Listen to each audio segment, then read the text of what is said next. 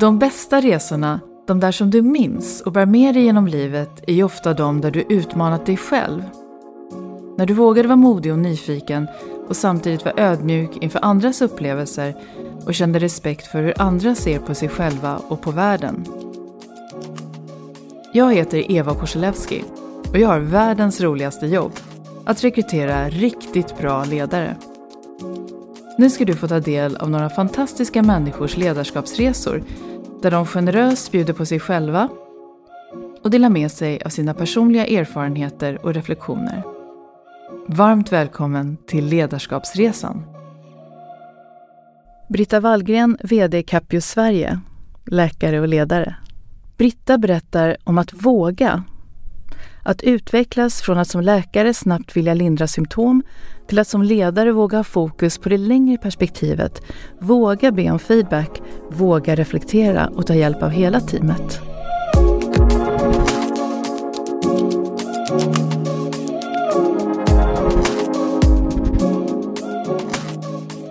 Varmt välkommen Britta Wallgren. Eh, det ska bli jätteroligt att få prata ledarskap med dig. Eh, och jag har ju följt dig under ett antal år och har fått möjlighet att hjälpa dig med rekryteringar eh, och sett dig utifrån det perspektivet. Så att det, det som sagt ska bli roligt att höra dina, dina synpunkter och vad du tycker om ledarskap. Eh, om ditt ledarskap inte minst. Eh, du är också en väldigt uppskattad mentor, vet jag. Tack för att jag får vara här. Jättespännande att få vara med i din podd. Ehm, och, och, också föra resonemang, för det är också jätteviktigt. Vi har ju pratat en del om det här i samband med rekryteringar. Och få nya perspektiv. Mm. Så att, jättetrevligt att få vara här. Superkul. Och då tänkte jag att om vi börjar med en sån här vi värmer upp lite grann med en sån här klassisk fråga och, och just det här vad var det som som lockade dig till att bli ledare? Jag vet att du och jag har pratat, jag brukar ju alltid hävda det att, att något av det svåraste är just att vara ledare i så komplexa verksamheter som sjukvården till exempel är. Sjukvården och akademin brukar jag ju lyfta fram som, som mest komplexa och, och utmanande att vara ledare. Och du har ju varit framgångsrik ledare i sjukvården i många år. Um, vad var det som lockade dig att bli ledare? Det var ju inte riktigt planerat kan man säga, utan jag jobbade kliniskt som läkare i ganska många år.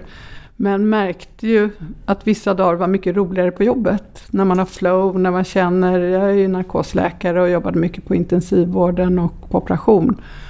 Och det handlade ju egentligen inte om vilka patienter vi hade, om man hade flow, utan hur teamet fungerade. Och det skapar nog ett intresse för att kunna vara med och påverka och utveckla. Och så har jag haft bra chefer hela vägen som har lockat mig. Ehm, du kan väl i alla fall pröva.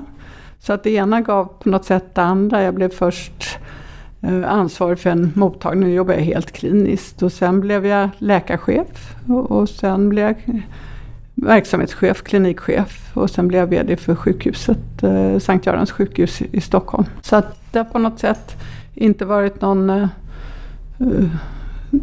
att jag var så lockad av att ha chefspositioner utan jag var nog väldigt lockad av att påverka och fick förutsättningar att vara med och påverka. Och har man börjat påverka så vill man ju påverka mer på något sätt och då lockar det mer och mer. du nämnde det här med bra chefer och bra chefer är ju det ser ju vi också som, som sitter och rekryterar ledare eh, dagligdags att det är så viktigt att det finns bra chefer som, som lockar andra till att bli ledare, precis som, som du beskriver där. Och då, vad tycker du då är en, en bra chef utifrån det perspektivet? Att, att locka andra att vilja bli ledare? Eh, jag tror att det, det, det är viktigt med chefer som eh, vågar involvera.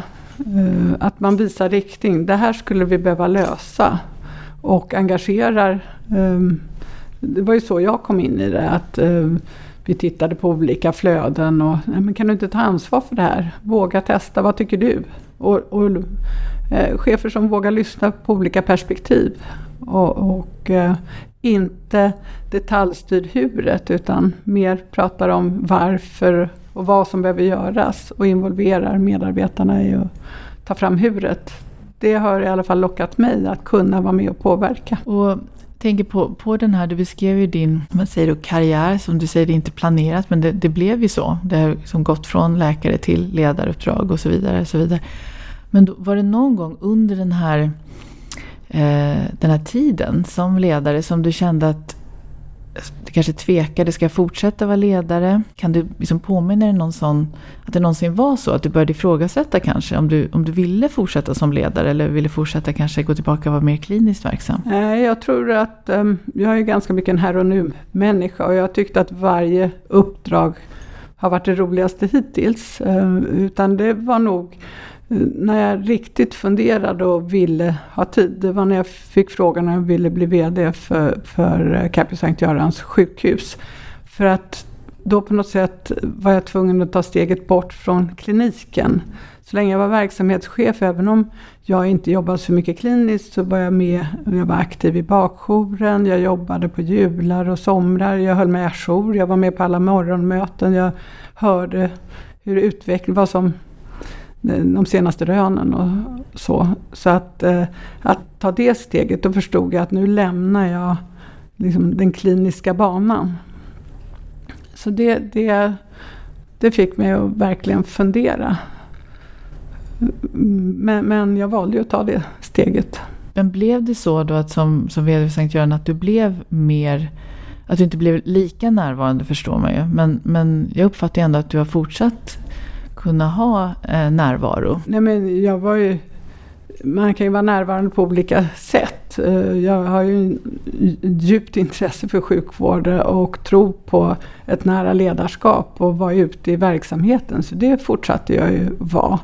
Men man blir ju inte den medicinska experten längre. Eh, och, och eh, det blir ett mycket bredare uppdrag, inte bara ett, en specialitet som jag var chef över tidigare och då blir det kanske ännu mer så att man får engagera sig i andra saker som man kan mindre för att förstå bättre. Så, så, att eh, det är inte så att jag känner att jag kan gå in och ställa mig på intensiven. Jag erbjöd mina tjänster under pandemin men de tyckte tio år var för lång tid. För ja. Jag skojar bara, de tyckte ja. att jag gjorde bättre nytta på andra håll. Men, ja. men eh, och sen när jag tog steget från att lämna akutsjukvården där jag hade varit 25 år. Då var det lite samma resa igen. Eh, att förstå, även om jag vet hur primärvård fungerar övergripande, förstå förutsättningar, villkoren, hur är det att möta patienter i den här miljön när jag har jobbat hela livet på sjukhus. Så, så, att det har varit jättespännande att få sätta sig in. Men det gör man ju på ett annat sätt då, eller jag i alla fall därför det är inte så att man lär sig alla medicinska riktlinjer på primärvårdsnivå utan man lär sig att förstå de förutsättningar som personalen arbetar under. Mm. Och jag tänker det som du beskriver nu, det är ju den här det har ju gått, liksom, det har ju blivit bredare och bredare. Idag är det också internationellt, eh, genom era ägare till exempel. Eh, är det, hur, kan du se hur ditt ledarskap har utvecklats i takt med det här. Alltså från det att du började i ditt ledarskap som verksamhetschef till det ledarskap du har idag. Att du kan se att ah, men det här är väldigt tydligt sånt som jag har utvecklat och förändrat. Det är alltid svårt att recensera sig själv. Ehm, jag tror att i takt med att man utvecklas och blir tryggare i sitt ledarskap så vågar man säga att man inte kan eller låta oss fundera. Ehm, att ehm,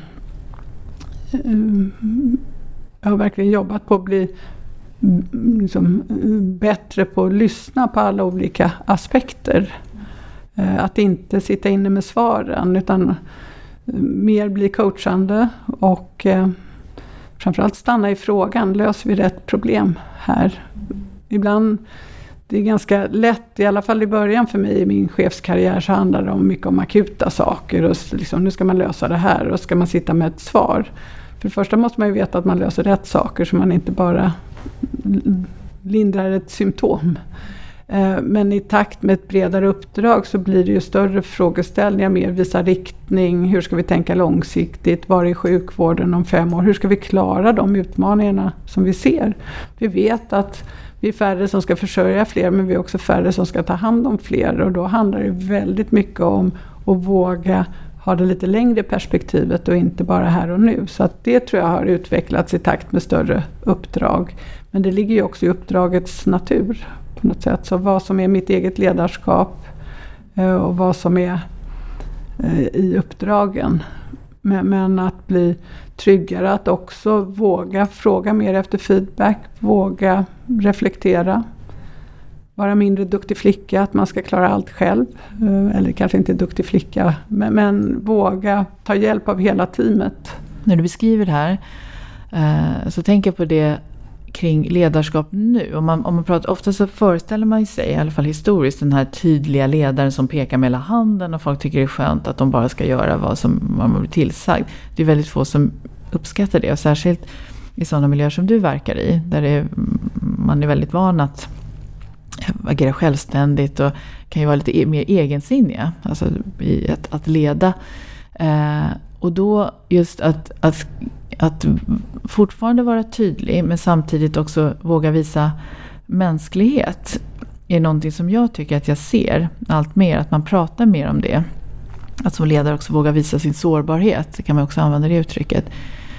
Tycker du att det här stämmer? Eh, och I så fall, hur ser du på det? Det tycker jag absolut stämmer och där tror jag att generellt, om man ska lite grann generalisera, så ledarskapet i Norden är ju mer på det sättet. Och nu finns det ju väldigt mycket forskning kring psykologisk trygghet, hur man skapar bra kreativa miljöer.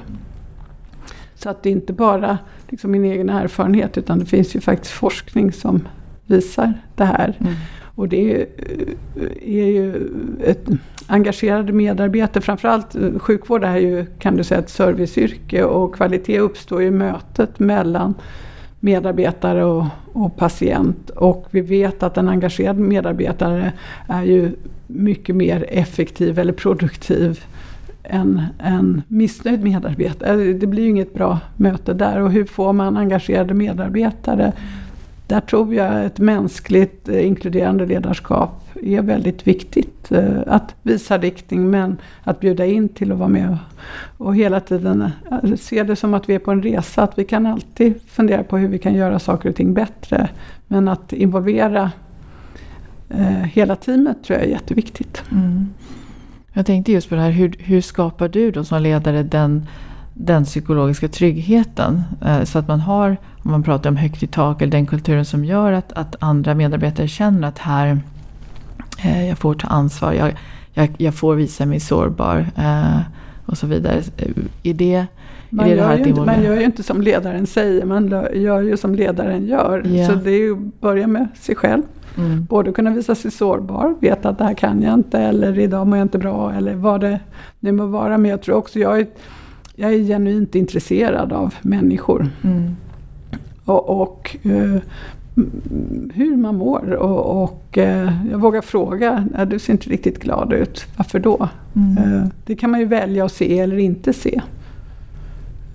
Så, så att jag, jag, tror att, att dels pratar vi mycket om varför det är viktigt att ha en trygg miljö och att lyssna på varandra. Men också att leva som man lär, mm. tror jag är viktigt. Mm. Leva som man lär, ja precis. Det här att uh, lead by example eller precis. Um, och där, så att hur du visar uh, din liksom, mänsklighet eller din, din liksom sårbarhet? Är det, är det så du gör det som ledare? Det är som sagt svårt att recensera sig själv men jag tror att jag är väldigt, jag är som jag är. You see, what you see is what you get på något sätt. Och, och att jag är, det är ett populärt modeord nu att man ska vara autentisk men jag, jag brinner verkligen för mitt uppdrag. Jag tycker det är jätteroligt och det tror jag visar sig i hur jag agerar. Mm. Och jag är genuint intresserad av både vad andra tycker men också hur de mår. Ehm, men, men det är för den ledningsgrupp jag leder. Ehm, men eh, när jag är ute i verksamheten så är jag väldigt intresserad av vad de gör och varför och hur. Mm, så, så att det är inte något jag funderar så mycket på. Nej. Faktiskt. Eh, det faller sig naturligt. Ja. ja. Och, och, där tror jag att man kan liksom aldrig spela en ledarroll. Det, det viktigaste tror jag är, i ledarskapet är ju att känna sig själv mm. och få återkoppling på hur man agerar. Både att våga be om återkoppling men också att reflektera själv. Vad gick bra och inte bra? man kan liksom aldrig spela en ledarroll utan det blir ganska genomskinligt snabbt. Mm. Eh, och jag tror att man blir liksom, man har bättre förutsättningar att bli, på, bli bra på någonting som man tycker är roligt. Mm. Och jag tycker att uh, varenda jobb jag haft har varit jätteroligt. Och jag brinner verkligen för att vilja vara med och påverka välfärdens utveckling. För vi, vi eh, har ju lite utmaningar framöver. Mm, det har vi verkligen. Eller vi har utmaningar redan här och nu. Ja. Men jag menar, det kommer inte lösa sig av sig själv. Nej. och, och, om man fortsätter göra som man alltid har gjort, då kommer vi inte kunna... Vi måste ju våga tänka nytt. Mm. Därför du beskriver det här ditt, det engagemanget och det här, att verkligen känna det. Att det har varit viktigt för dig som ledare. För då, då, då blir det också så naturligt. Eh, det här med autenticiteten och, och så vidare. Men om du skulle ge råd, och jag vet att du gör det här. För du som sagt, du är en uppskattad mentor vet jag på, på i många sammanhang. Eh, råd till till, eh, till eh, ja, med människor som vill bli ledare eller, eller som är ledare idag och liksom vill utvecklas i sin, i sin roll som ledare. Vad, vad, vad ger du för... Finns det något sådär mer universellt råd som du ger? För det första måste man börja med att fundera på varför man vill vara ledare eller varför, varför man har det uppdrag man har. Vilken drivkraft man har. Där tror jag man måste börja. Och, och så måste man våga både se vad man har för, för uh, saker som fungerar väldigt bra som man vill utveckla men också vad man har för utvecklingsbehov. Uh, lära känna sig själv. Mm. Um, att be om feedback brukar jag alltid tipsa om. Gärna 360 eh, återkopplingar, att förstå hur man uppfattas. Så att eh, man får en självbild som stämmer överens med omvärlden. Det tror jag är jätteviktigt i ledarskapet.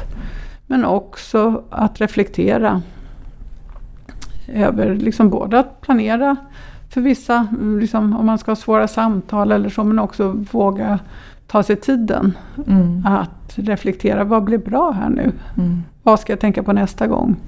Um, därför det är bara jag själv som kan ta ansvaret för att utveckla mitt ledarskap. Mm. Jag kan inte lägga det på någon annan, men man kan få stöd och hjälp och råd. Mm. Ungefär så brukar jag säga tror jag. Ja. Men precis, det här egna ansvaret är ju oerhört viktigt. Och det jag tänker på, för du, feedback eh, nämner du, det är ju, det är ju jätteviktigt att, att be om feedback och få feedback.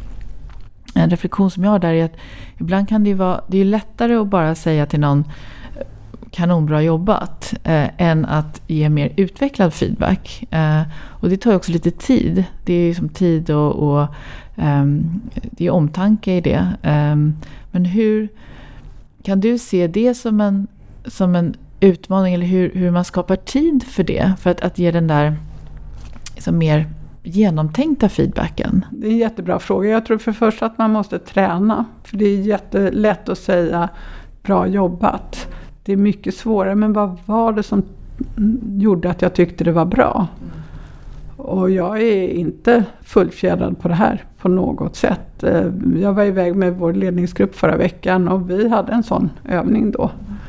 Eh, just för att någon sa att det här gjorde du jättebra. Och då måste jag ju ställa följdfrågan, men vad gjorde att du tyckte att jag gjorde det bra? Inte för att gå med hoven utan för att träna den personen. Så det handlar ju också om eh, både att, att eh, förstå vad som händer i hjärnan. Att Eh, hur vi, eh, det man säger, det är inte bara att man ska säga det på rätt sätt, det måste ju också tas emot. Att börja med lite bra saker och sen vara konstruktiv så att det inte handlar om sågningar utan det här är ju en gåva. Att vara en, liksom i en lärande miljö, både att man ska lära sig i sitt yrkesliv men också i sitt ledarskap. Mm. Så, så, att eh, tiden tror inte jag. Det är nog modet och träningen att våga växla perspektiv. För det tar ju inte längre tid att ge att säga att någonting var bra eller jag tycker att du gjorde det här bra för att. Det, så att det är nog inte tiden utan det är nog mer träning och mod. Och vi har ju inte riktigt eh, inte tränade på samma sätt som i andra eh, branscher kanske i sjukvården att ge den återkopplingen. Jag tycker det är intressant. Eh, och just det här att ibland, ibland eh, som du säger, det får inte vara sågningar. Utan det måste ju vara eh, genomtänkt. Och det är väl där jag tänker lite att tiden kommer in. Så att det blir, att man inte bara hasplar ur sig någonting som man tänker i stunden. Utan att, att man vill landa lite grann. Men vad är det jag egentligen vill ge för feedback till den här personen? Så att, eh, Men om man då när man reflekterar efter ett möte. Eh, då kan man ju bygga in det. Och det här, liksom, det här ska jag komma ihåg att säga nästa gång vi ses. För då har du haft, ofta är det ju inte tiden att nu ska jag sätta mig ner och tänka. Utan det gör man ju när man transporterar sig eller liksom använder andra tider. Jag tror att det är mer att försöka bygga in det förhållningssättet. Mm. Mm.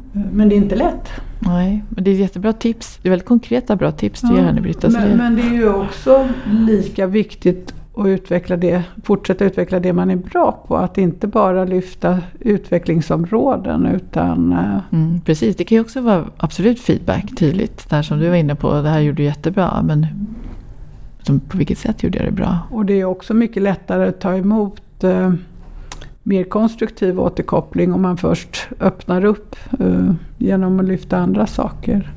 Det är bara att gå till sig själv. Mm. Uh, ibland när jag får återkoppling så hamnar man i försvar.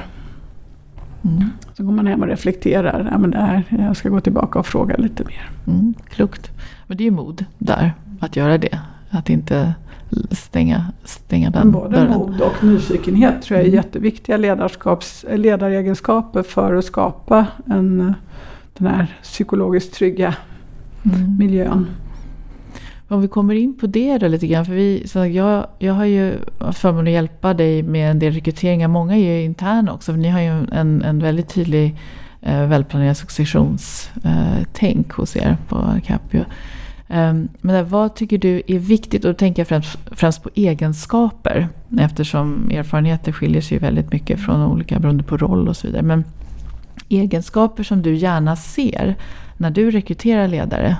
Dels så tittar jag nog, det, det är ju olika roller. Eh, för det första måste man ju ha det här genuina intresset och drivet att vilja. Eh, så jag tittar på drivkrafter för ledarskapet. Men, men, det är också viktigt att ha ett väldigt välfungerande ledningsteam. Så jag vill ju inte eh, jag tittar inte på samma egenskaper hos alla. Utan det är viktigt att eh, vi i teamet kompletterar varandra. Så att liksom, det är någon som är entreprenören, någon som är analytiken, någon som är eh, liksom, riktigt på och sådär. Jag tror på komplementära egenskaper. Eh, men, men nyfikenhet och mod och att vilja. Det, kommer, liksom, det är nog något som genomsyrar. Mm. Eh.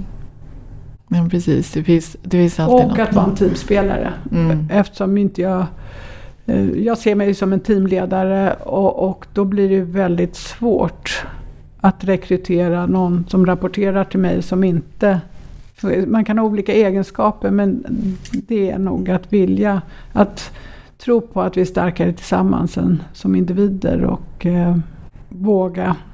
Att kunna delegera är också viktigt i alla roller. Framförallt när man kommer högre upp i organisationer där jag mm. sitter och rekryterar nu. Jo, um, jag tänker det Britta, vi har pratat om, om nu uh, det är mycket som är spännande och, och utmanande och utvecklande med ledarskap. Och det utvecklande innebär också att det, det finns ju det som är, väldigt, som är svårt. Uh, Uh, och du sa ju också nu att du tittar ju mer framåt än att du kanske liksom håller på och funderar mycket på, på vad, vad hände och bakåt. Men, men vad tycker du är svårast med att vara ledare?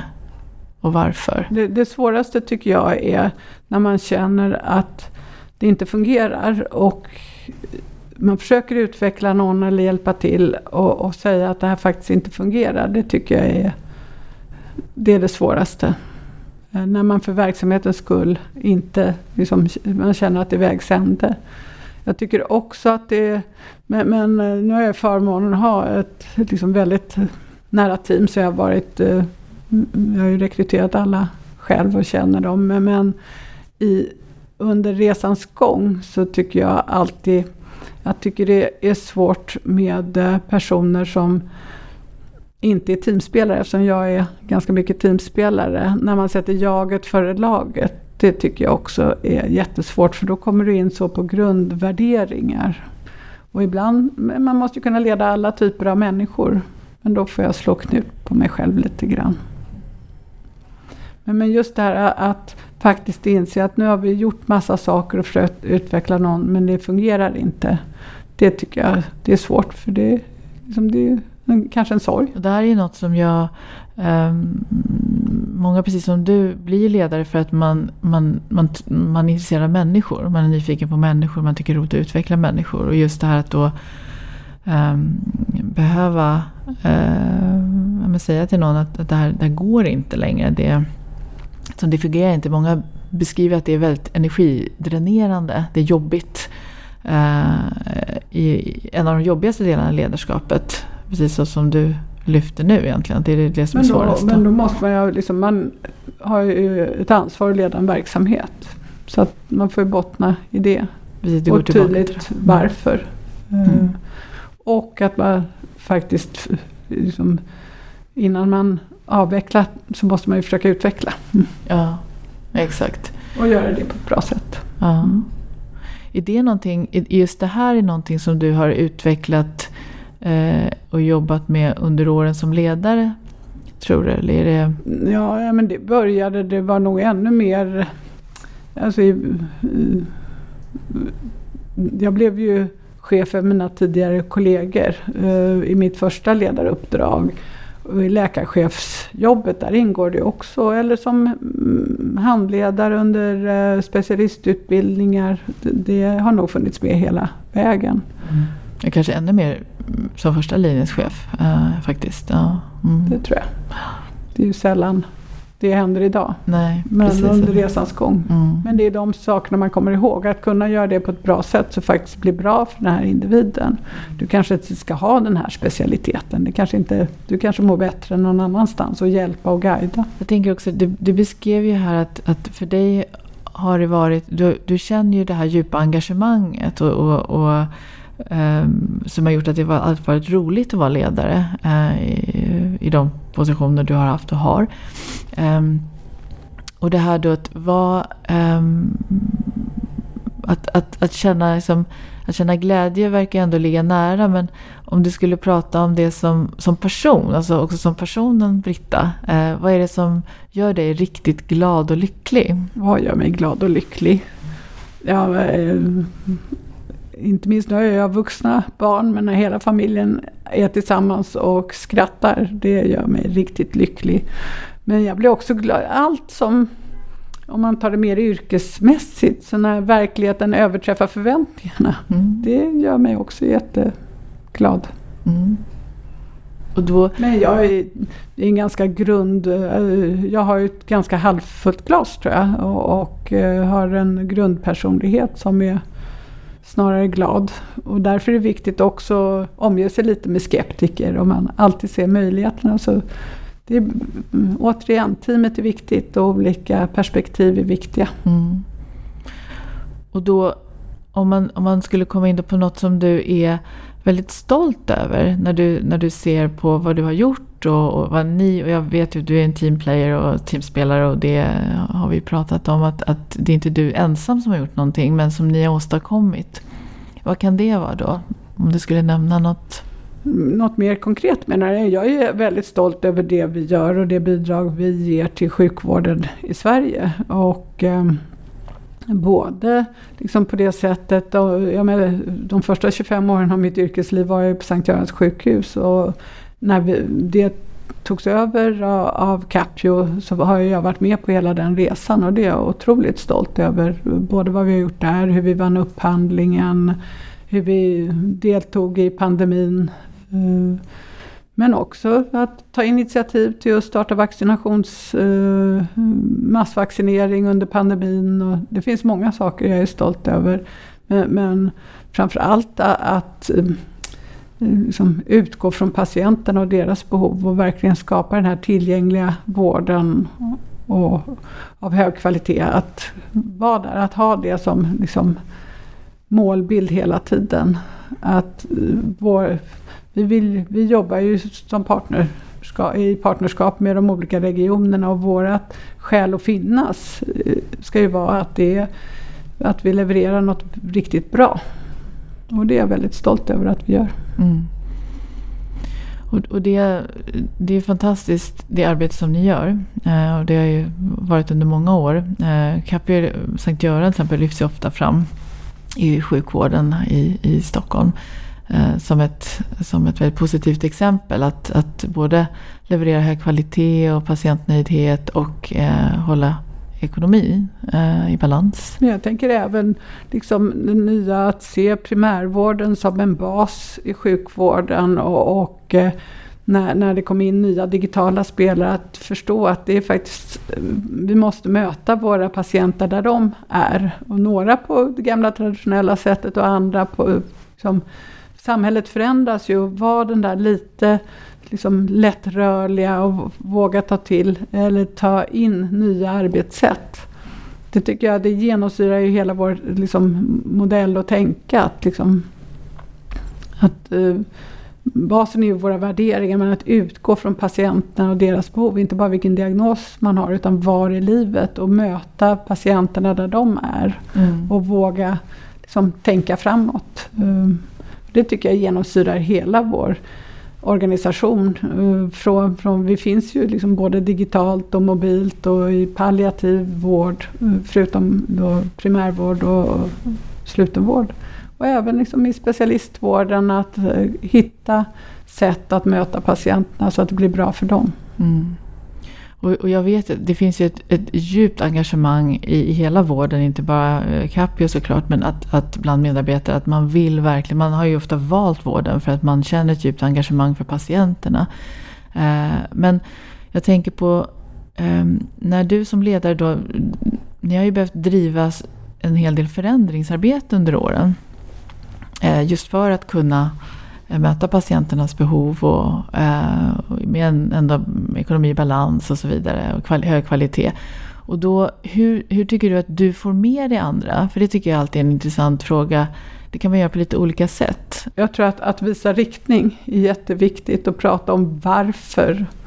Eh, att ta liksom, omvärldsperspektivet och smalna av så att det verkligen blir relevant ända ner till den enhet där man står. Det tror jag att kunna liksom, förmedla den uh, storyn eller uh, historien om varför vi behöver göra den här resan. Att börja där tror jag är jätteviktigt. Uh, men också att visa tillit sen då för, för att mm, få med alla på tåget till hur vi ska göra det. Men liksom det finns inget alternativ till att vi måste förändra oss. Men jag sitter inte med facit. Och, och eh, att vi måste samverka. Men också det här nyfikenhet och mod. Så, så, att dels så pratar jag mycket om det. Sen har vi ju det när vi utbildar ledare i, i, i vår organisation. Eh, i, så, så är jag väldigt engagerad. Det är liksom, man åker inte iväg på en ledarskapsutbildning utan vi driver det internt och det är jag som pratar om varför. Och så, så att jag tror att det här med att kultur sätts uppifrån handlar ju också om att våga visa riktning och skapa förutsättningar. Därför det är ju jättelätt att säga att man ska ta massa ansvar men vi måste ju ha chefer som inte bara vill ta ansvar utan också får förutsättningar att ta ansvar. Mm, precis.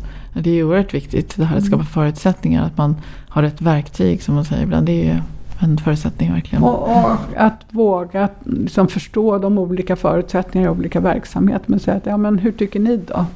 Hur tänker ni? Att sätta mål och riktning men inte lägga sig i detaljerna. Men jag tänker också Britta det här med att, att uh, ditt glas är, är halvfullt uh, snarare än halvtomt va? Jag tänker det kanske också spelar en roll i hur du får med dig andra. Ja, kanske. Ja, men att se möjligheterna tror jag är viktigt. Sen finns det ju utmaningar. Vi vet ju att, eh, att för att kunna ut, eh, använda eh, moderna hjälpmedel som digitala verktyg och, och så. Det kräver ju ett visst mått av standardisering. Och det är lätt att förväxla det med centralisering. Så att det ägnar jag mycket åt att prata om. Eh, därför att eh, det handlar ju också om att eh, vi ska säkerställa att vi ger en bra vård på alla nivåer. så att den här balansen mellan tydliga processer och riktlinjer samtidigt som man kan vara med och påverka huret där ute.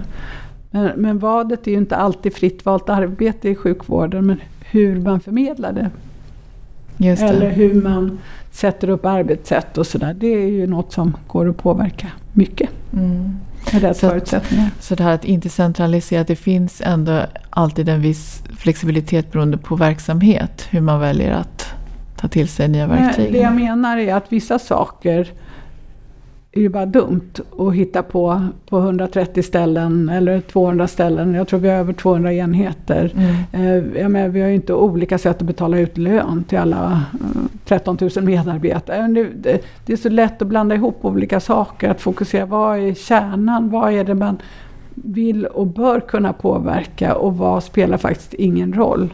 Om du har en svart dator eller en silvrig dator. Ofta hamnar man i, i det här att eh, ja, men jag kan inte påverka någonting. Jo, du kan påverka jättemycket, men just de här sakerna, där har vi det här är vår bas, det här är vår standard. Ja, men precis, att det finns en möjlighet att påverka. Ja. Förstå att det är väldigt positivt. Um, finns det någonting ändå som du, som du ångrar? Liksom när du tittar tillbaka på olika steg i din karriär och tänkte att oh, tänk om jag ändå hade gjort si eller tänk om jag hade gjort så. Eller, uh, är det någonting som som du ändå tänker på?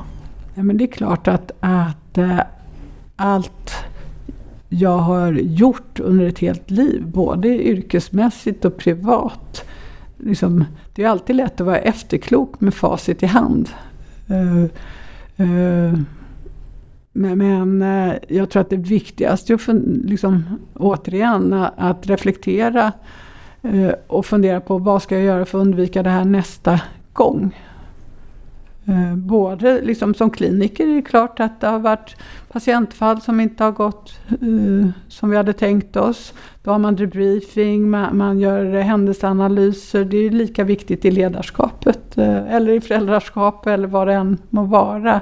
Att se till att man faktiskt är på den här ständiga livsresan. Uh, men det finns inga sådana här enorma vägval. Jag skulle absolut läsa medicin igen.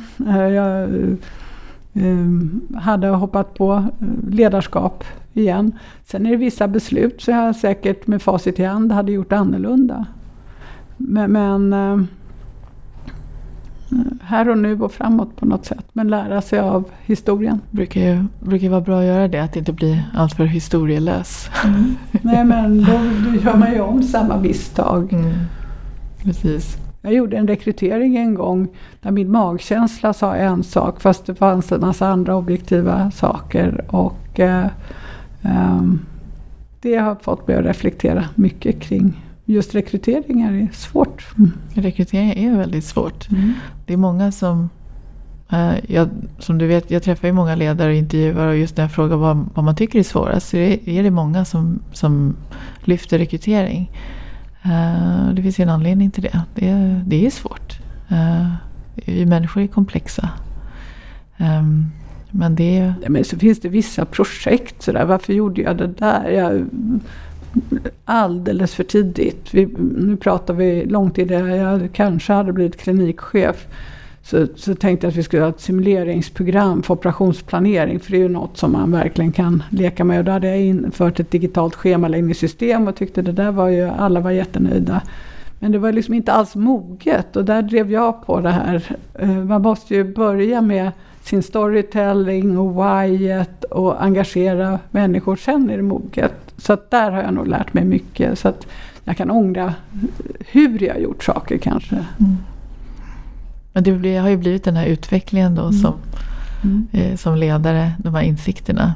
Um, så utan dem hade du väl inte blivit heller den ledare som det är idag? Nej, jag tror man formas under hela livet. Ja. Av alla möten, alla erfarenheter, både yrkesmässigt och privat. Mm. Jag tänkte på det Britta, för du, du, vi pratade ju inledningsvis här om att vi pratade ledarskap, att det är att medarbetare gör ju som man, som man gör, inte som man säger. Och det är ofta en sån parallell, det är lätt att dra det till just föräldraskap. Mm. Man brukar ju ofta säga att barnen gör ju inte som man säger utan som man själv gör. Mm. Um, så där finns ju en, en tydlig sån Parallell, parallell. absolut. Mm.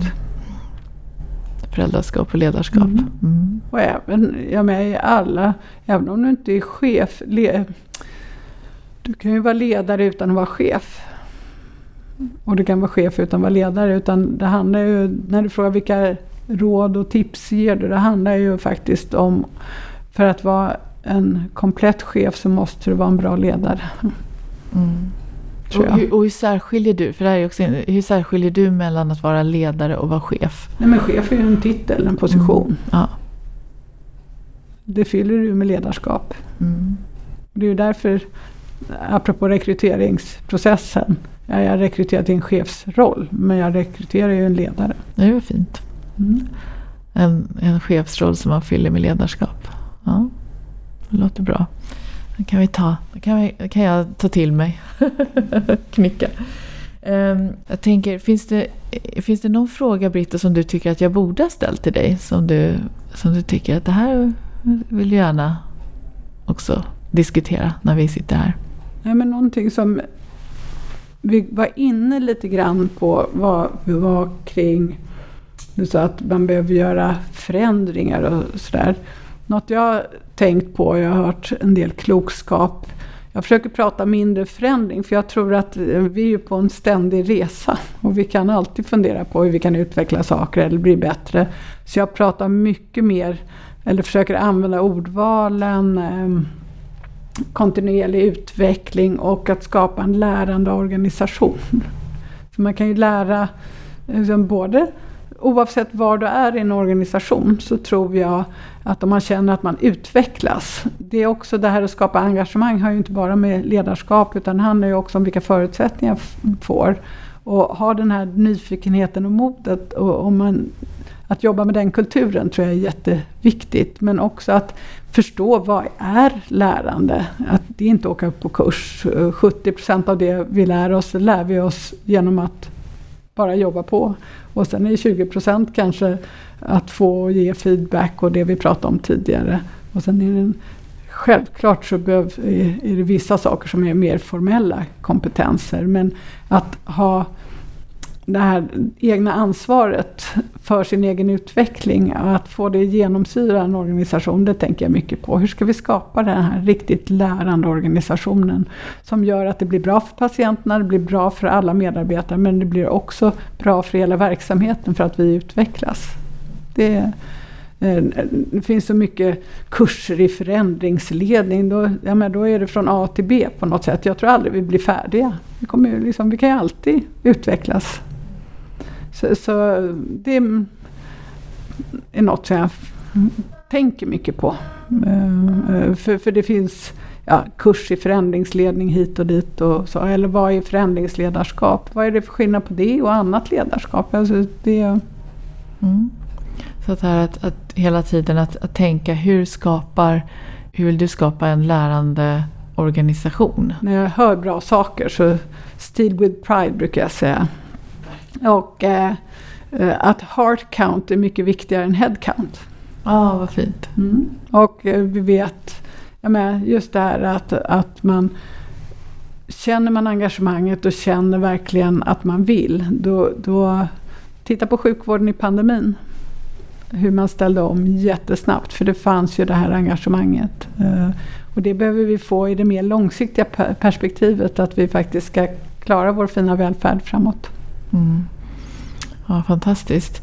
Jag måste säga Britta att det känns väldigt tryggt att ha dig vid, vid ett av rodren för att leda Sveriges välfärd framåt. Ja, det är återigen hela teamet. Jag ja, vet. Det, ja. Men du, någon Det- kapten måste ju finnas där. Ja.